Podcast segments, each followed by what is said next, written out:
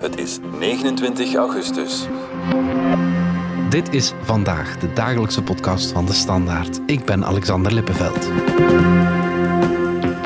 We gaan weer naar de maan. Van op het Kennedy Space Center vertrekt vandaag de Artemis-missie. En dat is de eerste van een hele reeks die onze maan uiteindelijk tot echt vertrouwd terrein moet maken. Maar wat hebben we daar nog te zoeken een halve eeuw na de laatste maanlanding? Is onze blik niet vooral op Mars gericht?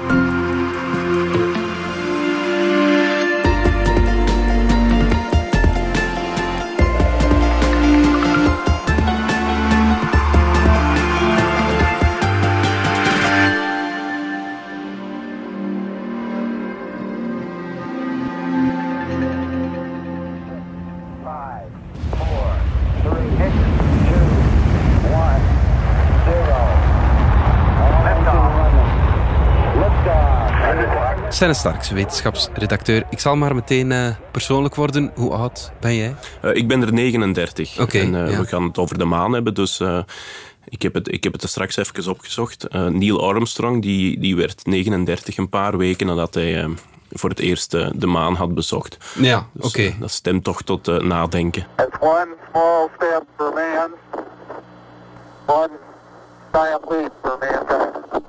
Als ik even eh, snel reken, de laatste mensen die voet op de maan hebben gezet, dat waren Eugene Cernan en Harrison Schmitt. Ik heb er nog nooit van gehoord. Dat was in 1972. Je hebt dat dus eh, niet meegemaakt. hè? Ik heb dat ook niet meegemaakt. Ik ken die mensen ook niet. Eh, ik had er ook nog niet, niet van gehoord. Dat zijn de, de, de laatste maanbezoekers. Eh, Die kwamen aan boord van de Apollo 17, Mhm. Ja. de laatste Apollo-missie.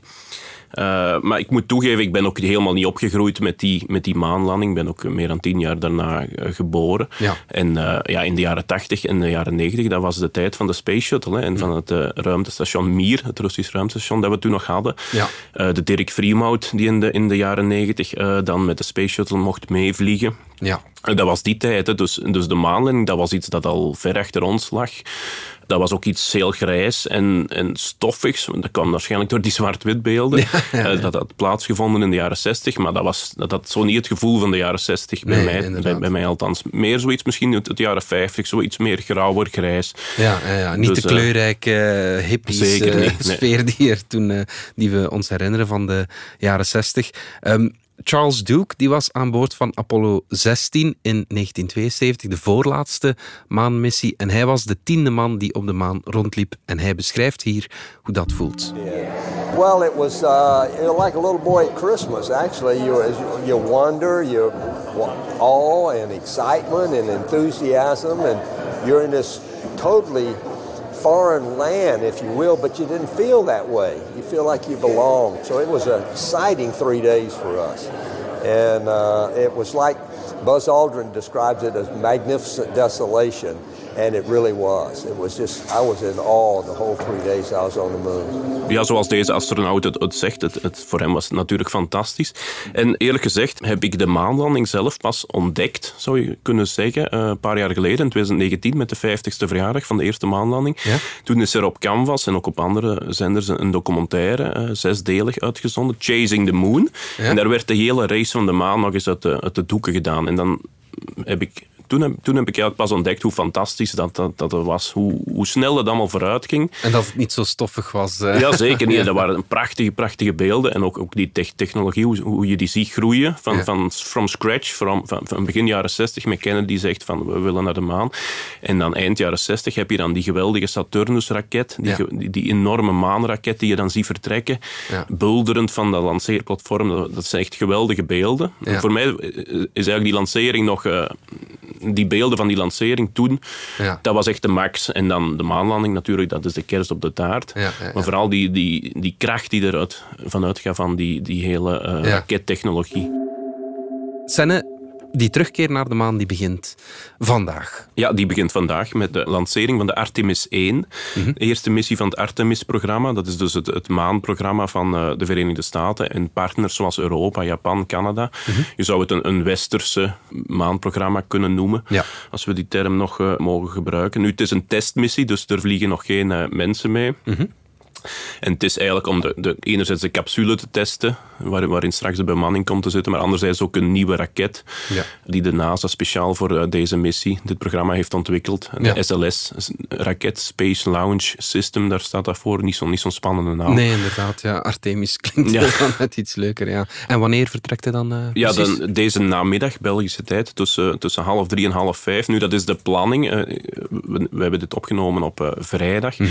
Als er tijdens het weekend niets is veranderd, als het, als het weer er nog altijd eh, goed uitziet, dan eh, komt daar niks tussen. Mhm. En eh, moest er nog iets tussen zijn gekomen, dan heeft de NASA nog twee extra data beschikbaar. Dan is het volgende vrijdag ofwel volgende maandag. Ja, ja. Nu, die data, zoveel hebben ze er niet, want, want de constellatie van de maan ten opzichte van de aarde moet goed zijn. Je moet er na- natuurlijk naartoe kunnen vliegen. En daarnaast moet eh, die capsule, de Orion-capsule, die dus gelanceerd wordt, eh, die moet genoeg zonlicht krijgen. Die mag niet, niet, niet te lang in het donker vliegen, want die draait deels op zonnepanelen. Dus die ja. moet, moet eh, voldoende energie kunnen opwekken. En waar dient deze vlucht dan voor als er nu nog geen mensen aan boord zitten? Het is een testmissie, dus we, gaan enerzijds die, die nieuwe raket eh, testen. En dan eh, anderzijds die Orion-capsule. Ja. Eh, dat is de capsule waarin straks de bemanning komt te zitten en die dus nu leeg is. Ja. Die capsule die, die vliegt naar de maan en terug. En dus, dus men gaat er dan mee testen hoe men die kan, op afstand kan besturen. Ja. Eh, Hoe En die gaat ook weer, dan wat rondjes draaien rond de maan? Of, die draait een paar rondjes. Ja. Die gaat zelfs een, een stukje voorbij de maan, ook nog voorbij de donkere kant. Ah, ja. En dan komt hij natuurlijk terug en die moet dan ook heel uit doorheen de atmosfeer geraken met die enorme temperaturen dat er dan worden opgewekt. Mhm. Dus het is een testmissie en dat is ook logisch, want, want ja, de eerste missie zal zelden een bemande missie zijn. Mhm. Misschien hebben ze daaruit nog geleerd. eh, Het Apollo-programma, waar Apollo 1 een missie was, die zelfs niet is vertrokken, doordat er eh, op het lanceerplatform tijdens een repetitie brand is uitgebroken in de capsule. En er zijn toen drie astronauten bij omgekomen. Ja. Dat was in 67, dus eh, men wil zeker geen nieuwe ramp eh, zien gebeuren bij de Ar- Artemis 1. Ja, oké. Dus Artemis is niet zomaar eh, het vervolg van de Apollo-missies. Nee, ik zou het eerder de heruitgave noemen. Het is, het is, Oké. het is, mm, zeker als je de eerste missies bekijkt, het eerste deel van het programma, is er echt op gericht om terug mensen naar de maan te brengen. Niet veel meer dan dat. Pas later gaan, gaan we veel meer doen. Gaan we een, starten met de, de uitbouw van iets wat dan op een, een maanbasis gaat lijken. Ah ja. En gaat men ook die Lunar Gateway eh, installeren, bouwen. Een soort van mini-ruimtestation dat rond de maan gaat cirkelen. Ja, Maar de, eh, voorlopig zou ik het nog een heruitgave noemen, want het doel blijft voorlopig hetzelfde als in de jaren 60. Dat is weer mensen naar eh, de maan sturen. Ja, oké. Van waar komt de naam Artemis eigenlijk? Eh, Artemis, dat blijkt, eh, dat heb ik toch ook moeten opzoeken, dat blijkt de zus van Apollo te zijn, de tweelingzus zelfs.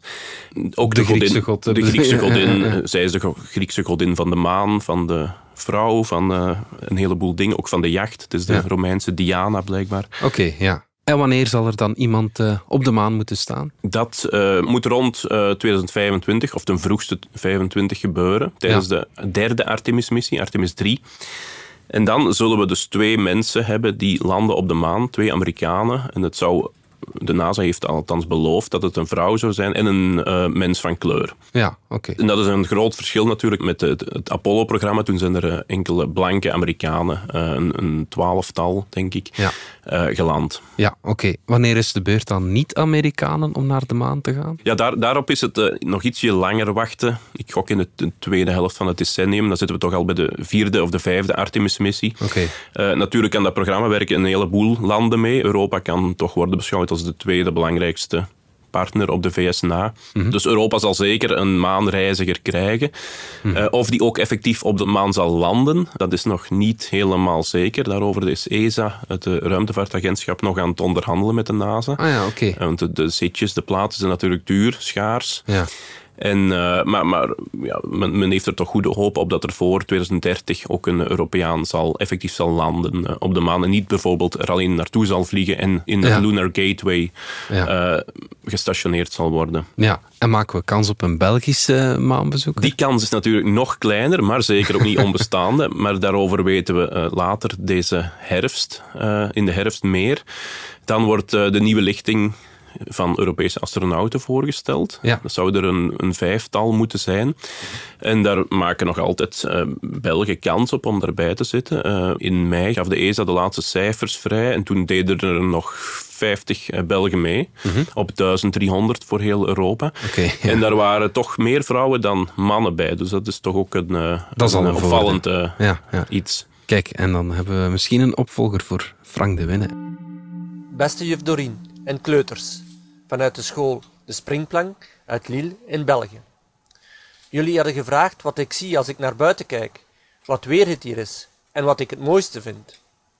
Wel, als ik naar buiten kijk, dan zie ik natuurlijk onze wondermooie planeet, de aarde, die vooral blauw is. Blauw omdat er veel water is op de aarde en blauw ook omdat onze atmosfeer, onze lucht vanuit de ruimte er blauw uitziet als je naar de horizon kijkt. We gaan er even uit voor reclame. Hé, hey, luisteraar. Ik wil u niet storen hoor. Nee, integendeel. Ik wil gewoon even zeggen dat ik heel blij ben dat jij een momentje voor jezelf neemt. Ma, ik ben thuis, hè. Het leven is al druk genoeg soms. Wat gaan we eten? Ja, schatje, ik kom ze bied. Ik moet eerst nog even iets afwerken. Oké. Zeg, iedereen verdient een momentje voor zichzelf. En net zoals dat jij van je podcast geniet, geniet ik om even verder te werken aan mijn Lego-bouwwerk. Misschien ook iets voor jou? Zoek even op Lego sets voor volwassenen. Senne, we gaan dus terug naar de maan. Meer dan 50 jaar nadat de laatste mens een voet op de maanbodem heeft gezet. Maar waarom? Waarom keren we nu terug? Het zal daar toch niet uh, veranderd zijn, denk ik. Uh, hè? het is geen haar veranderd daar. Er gebeurt daar uh, letterlijk niets. Mhm. Tenzij af, en, af en toe zal er eens een meteoriet of een asteroïde neerstorten, maar dat is de laatste decennia toch niet... of er is toch geen grote neergevallen. Mhm. Ja, wat gaan we daar doen? In de eerste plaats willen we er gewoon terug mensen naartoe sturen. Ja. En dat kun je een vorm van prestige, spierbalgerol, uh, wat, wat, is het, uh, PR noemen. Zoals het in de jaren 60 en zoals ook het toen ook was. Ja. En toen was het uh, natuurlijk Koude Oorlog. Mhm. Nu zal het ook een geweldige promotiestunt van de NASA worden. Ik kijk, kijk nu al uit naar de beelden die er dan gaan ook, gedraaid worden. Want dat gaat toch wel een, het grootste verschil worden met, met de maanlanding van toen. De, de, de, de maanlanding zelf is, is niet zoveel anders. Ja. Men gaat daar het oppervlak, het ziet er nog altijd even grijs uit, maar we gaan toch wel, die beelden gaan toch wel. Uh, we gaan voor, we gaan voor de uh, hoge spektakel, definitiebeelden. Uh, ja, voilà. ja. Nu, maar wat gaan we daar nu doen? Er zijn natuurlijk heel veel redenen om terug naar de maan te gaan. De ene al wat wetenschappelijker dan de andere. Mm -hmm. Nu, toch een verschil met de maanlanding uit de jaren 60 en 70 is dat ze nu naar de Zuidpool uh, gaan. Dus dat is een heel ander gebied Mhm. mm -hmm. dan met de Apollo-vluchten. Toen is men ergens in de buurt van de Evenaar geland. Ja. Nu, die Zuidpool, dat is toch wel speciaal. En daar liggen gebieden, daar liggen diepe kraters die eeuwig donker zijn, die eeuwig in de schaduw liggen. Okay. En die dus ook, uh, waar het heel koud kan worden, of waar het, waar het constant heel koud is. En daar zou dan eeuwig ijs liggen. Ah ja. Dat dan dateert uh, van ja, de vroege jaren van het zonnestelsel, omdat er effectief uh, nooit verandering uh, in is gekomen. Okay, ja, dus ja. we kunnen voor, voor, puur voor wetenschappelijk onderzoek, voor planeetonderzoek... Dan kunnen we meer leren over het ontstaan van ja, ons zeker. Er, er zouden sporen te vinden zijn van het vroege, vroege zonnestelsel die heel goed bewaard zijn gebleven. Ook van de jonge aarde trouwens, want de maan is ontstaan uit brokstukken van, van de aarde toen die in een soort van karambol is, is meegesleurd in, in de, tijdens de van het uh, zonnestelsel. Ja. Nog een ander verschil is dat de eerste uh, landers in uh, 25 er ook wat langer gaan blijven. Ze gaan er toch een, iets langer dan zes dagen okay. blijven. Dat is toch ook een groot verschil, want de Armstrong en Co. die zijn er niet nooit langer dan een dag ah, ja. okay. gebleven. Dus dat is, dat is ook al een aanloop naar meer langdurige, meer permanente activiteiten later op de maan. Ja, ja, ja. En dat, is, dat kadert natuurlijk in de maan ook als een testomgeving voor uh, verre ruimtereizen. Het feit dat je, ja, je kan daar ter plekke experimenteren met uh, weinig zwaartekracht. Mhm. Mm -hmm. Je hebt constant die, die, zonnewind, kosmische straling die op je instraalt, waar je je tegen moet beschermen. Je kunt proberen met uh, grondstoffen van, van de maan dingen te maken. Ja. brandstof, bouwmateriaal. je kan er proberen voedsel te gaan verbouwen. Ja. Dus, dus in die zin is het wel nodig dat, dat we daar ook leren om langduriger aanwezig te zijn. Ja. Op Mars. Op de maan natuurlijk. Hè. En maan, dat is allemaal... Ja. Is dat een testcase voor... De maan wordt vaak voorgesteld als een soort van springplank. Ja. Naar Mars. And it's back to the moon and then on to Mars. Een, een, een testomgeving, ja, een, een, een, een Mars in het klein zou je het ook Ja. kunnen noemen. Het is handig omdat hij eigenlijk heel vlakbij is. Hè. Dus Ja. de Apollo-vluchten die vlogen wat sneller dan de Artemis maandag gaat eh, vliegen. Die, die waren er in een paar dagen al. Mhm. Dus in essentie kan je daar nog ehm, bijvoorbeeld een reddingsmissie naartoe sturen. Moest er iets misgaan. Je kan, je kan nog, nog ingrijpen. Bij Mars bijvoorbeeld ben je maanden onderweg. Ja. Daar is het al wat moeilijker. Ja. Dus, de, dus de maan wordt wel eens een, een, een oefenterrein voor verre ruimtereizen. En zeker voor een landing en een langduriger verblijf op Mars eh, genoemd. En waarom willen we dan zo graag naar, naar Mars als Ja. die maan er dan Mars blijft een soort van eh, fixatie, de, je zou de heilige graal van de bemande ruimtevaart. Ja. Het is natuurlijk ook een echte planeet en eh, Mars lijkt veel meer op de aarde dan de maan. Ja. De zwaartekracht is daar sterker dan op de maan en die verschilt niet zo heel hard met die van op de aarde. Wat natuurlijk goed is om, als je daar wilt verblijven, want, want een omgeving met, met minimaal of, of weinig zwaartekracht, dat is niet echt bevorderlijk voor de gezondheid van bewoners. Nee, ja, daarnaast heeft Mars ook allicht veel meer grondstoffen die je kan gebruiken. Ja. Het is een veel rijkere eh, planeet, zou je kunnen zeggen. Het Ja. heeft ook een zekere atmosfeer die je enigszins beschermt tegen die straling bijvoorbeeld. En op Mars heb je ook een, een dag-nachtcyclus die enigszins eh, vergelijkbaar is met de aarde. Je hebt daar een, een, een mooi dag en nacht elkaar afwisselen. Op de maan hangt dat heel sterk af van waar je bent. Op sommige plekken, bij de Evenaar, is het gewoon constant dag. Dus eh, op sommige plekken is, is het constant eh, nacht of wekenlang. Twee Ja. weken lang nacht, twee weken dag. Dus als je bijvoorbeeld voedsel wilt gaan verbouwen, is dat, zijn dat toch ook eh, Ja, ja. eh, problemen. En wat kost ons dat allemaal? Want- Ja, heel veel geld. Er is natuurlijk weer... eh, we moeten het constant blijven herhalen. Als we eh, over de ruimtevaart hebben, dan, dat zijn altijd langdurige projecten. Ja. Aan die SLS-raket, eh, die, die draagraket, daar is eh, alweer jarenlang gewerkt. En die heeft toch meer dan 20 miljard dollar gekost. Ja, Gelukkig opgehoest door de Amerikaanse belastingbetaler. Oké.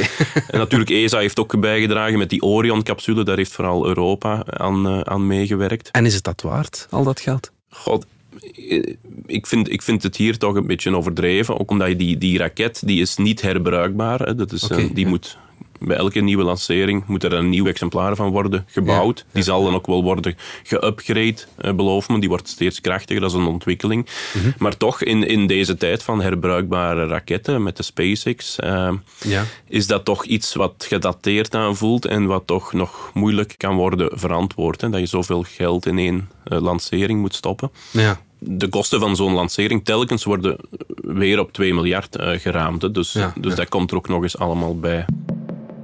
Je haalt eh, SpaceX al aan. Commerciële spelers zoals het bedrijf van Elon Musk maken ook ruimtevluchten. Moeten we dat niet aan hen overlaten? Want zijn zij wel veel efficiënter. Hè? Ja, dat, is, dat lijkt de logica zelf. Hè. Ja, ja. Bij, bij zo'n eh, herbruikbare raket moet je... Dan zijn er natuurlijk ook kosten aan de lancering verbonden. Je moet bijvoorbeeld brandstof, je moet dat ding vol tanken. Ja. Mhm. Maar die kosten zijn vele malen kleiner dan bij zo'n eh, een raket die nieuw gebouwd moet worden. Ja. En waarom is die SLS-raket dan ontwikkeld als er zoveel goedkopere alternatieven zijn? Ja, die SLS die heeft eh, een beetje een troebele geboortegeschiedenis. Die, die, die is eigenlijk ontstaan uit een reeks maanprogramma's ervoor.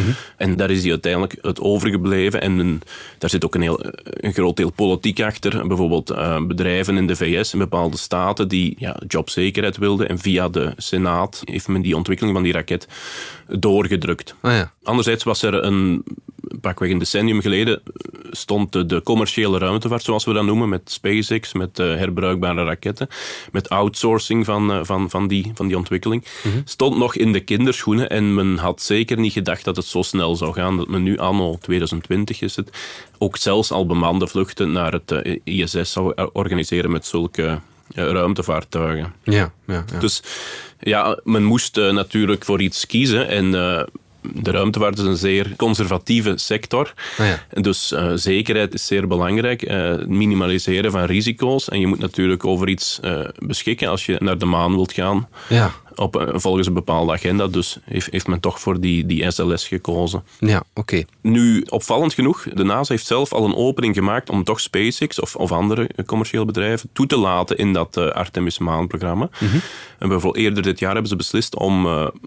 want, want er moet straks ook geland worden op de maan. En die SLS en die Orion, die zijn daar zelf niet toe in staat. Ah, ja. Dus men moet nog een eh, maanlander hebben. Ja. Dus het idee is nu om een, bijvoorbeeld een Starship, dat is, eh, wordt momenteel ontwikkeld door eh, SpaceX, dat is een, ook een gigantische raket Mhm. die uit twee delen bestaat. En, en de capsule daarvan te gaan gebruiken, die eerst naar de maan te zenden, om die vervolgens als maanlander te gaan gebruiken. Dus wat de astronauten zouden doen in 25 is eerst met de Orion naar de maan vliegen en daar overstappen in mogelijk dat de Starship van Ik vind SpaceX... het wel wat dubbel of dat er eerst Ja. een, een belbus naar de maan wordt Ja, gestuurd. voilà, om het, klinkt wat onzinnig, hè? Ja, maar, ja, eh, maar ja. voorlopig is dat het eh, scenario. Dat, dat er dus wordt overgestapt in dat Starship. Dat zal dan landen en dat vliegt dan terug weer Ja. naar die Orion.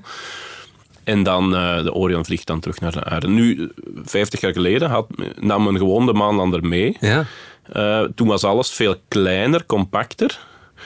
Toen ging dat nog met één vlucht, maar blijkbaar gaat dat nu eh, moeilijker. Ja, oké. Ik heb het gevoel, Senne, dat de Apollo-missies dat die veel meer voor waren op hun tijd dan die Artemis-missies die vandaag... eh, Ja, je zit met een... Dat, dat klopt. Dat dat klopt voelt heel helemaal. gedateerd aan wat en er dat nu ging, gebeurt, hè, ja. Dat is waar, als je dat vergelijkt. De, de, de- in de jaren 60, er waren nog maar amper computers, Ja. mobiele, compacte computers.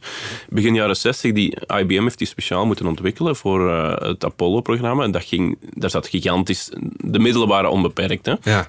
De, de, de space race, eh, de race naar de maan, moest en zou gewonnen worden. Mhm. Dus de middelen waren eh, onbeperkt. Ehm, er zat een enorme drive achter. En ja, in minder dan tien jaar hebben de Amerikanen dat toen klaargespeeld. Ja. Daar zijn natuurlijk ook wel eh, doden bij gevallen. Hè. Daar zijn wat bochten afgesneden. Ja. Dat zou nu ook niet meer waar zijn. Hè. Als er nu iets misloopt, dan is dat genoeg om vaak een, een heel programma te cancelen. Zie wat er met de Space Shuttle is gebeurd. Hè. Ja, een, juist, eh, ja, ja. Een, een ontploffing van, wat was het, in 2003. Ja. Heeft ervoor gezorgd dat ja, de, de Space Shuttle verlaten werd. Hè. ja, inderdaad. Ja. Maar, dus, maar het is nogmaals indrukwekkend om te zien hoe snel dat, dat toen ging. ja.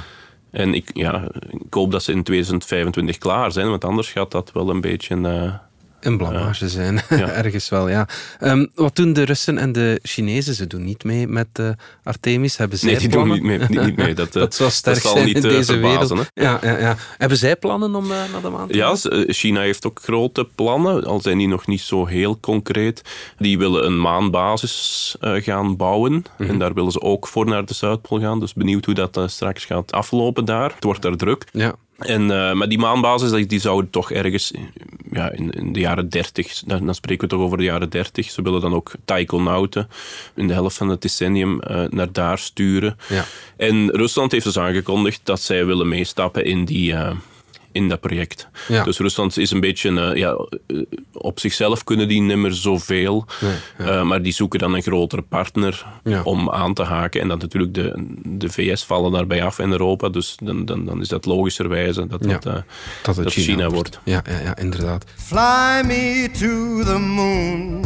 Let me play among the stars.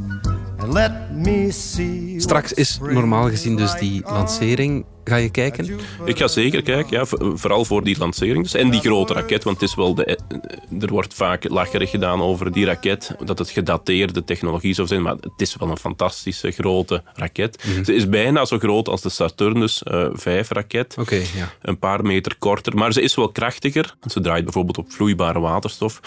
En dat, dat geeft veel meer propulsie. Maar dus dat gaat een enorme ja, in stuwkracht geven. Dat gaat toch een enorme belevenis zijn. Want het is, het is echt de grootste raket die wij ooit eh, de lucht hebben inzien gaan. Ja, oké. Live. Als alles goed gaat, dan kan u die lancering live volgen op de website van onze krant. Download onze app, dan krijgt u wel een melding wanneer het gaat beginnen. Ergens deze namiddag. Goed, Senne Starks, dankjewel. Ja, graag gedaan. Dit was vandaag de dagelijkse podcast van De Standaard. Bedankt voor het luisteren. Volg ons op Spotify, Apple Podcast of eender welk ander podcastplatform. In onze gratis app DS Podcast kan je niet alleen ons werk beluisteren, maar ook de beste podcasttips met zorg geselecteerd door onze redacteur Max de Moor. Alle credits van de podcast die je net hoorde vind je op standaard.be-podcast. Reageren kan via podcast.standaard.be. Morgen zijn we opnieuw.